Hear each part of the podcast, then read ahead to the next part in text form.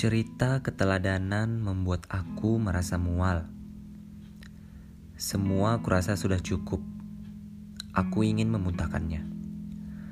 Mual dengan apa yang ada padaku, memuntahkan semua yang menjadi milikku.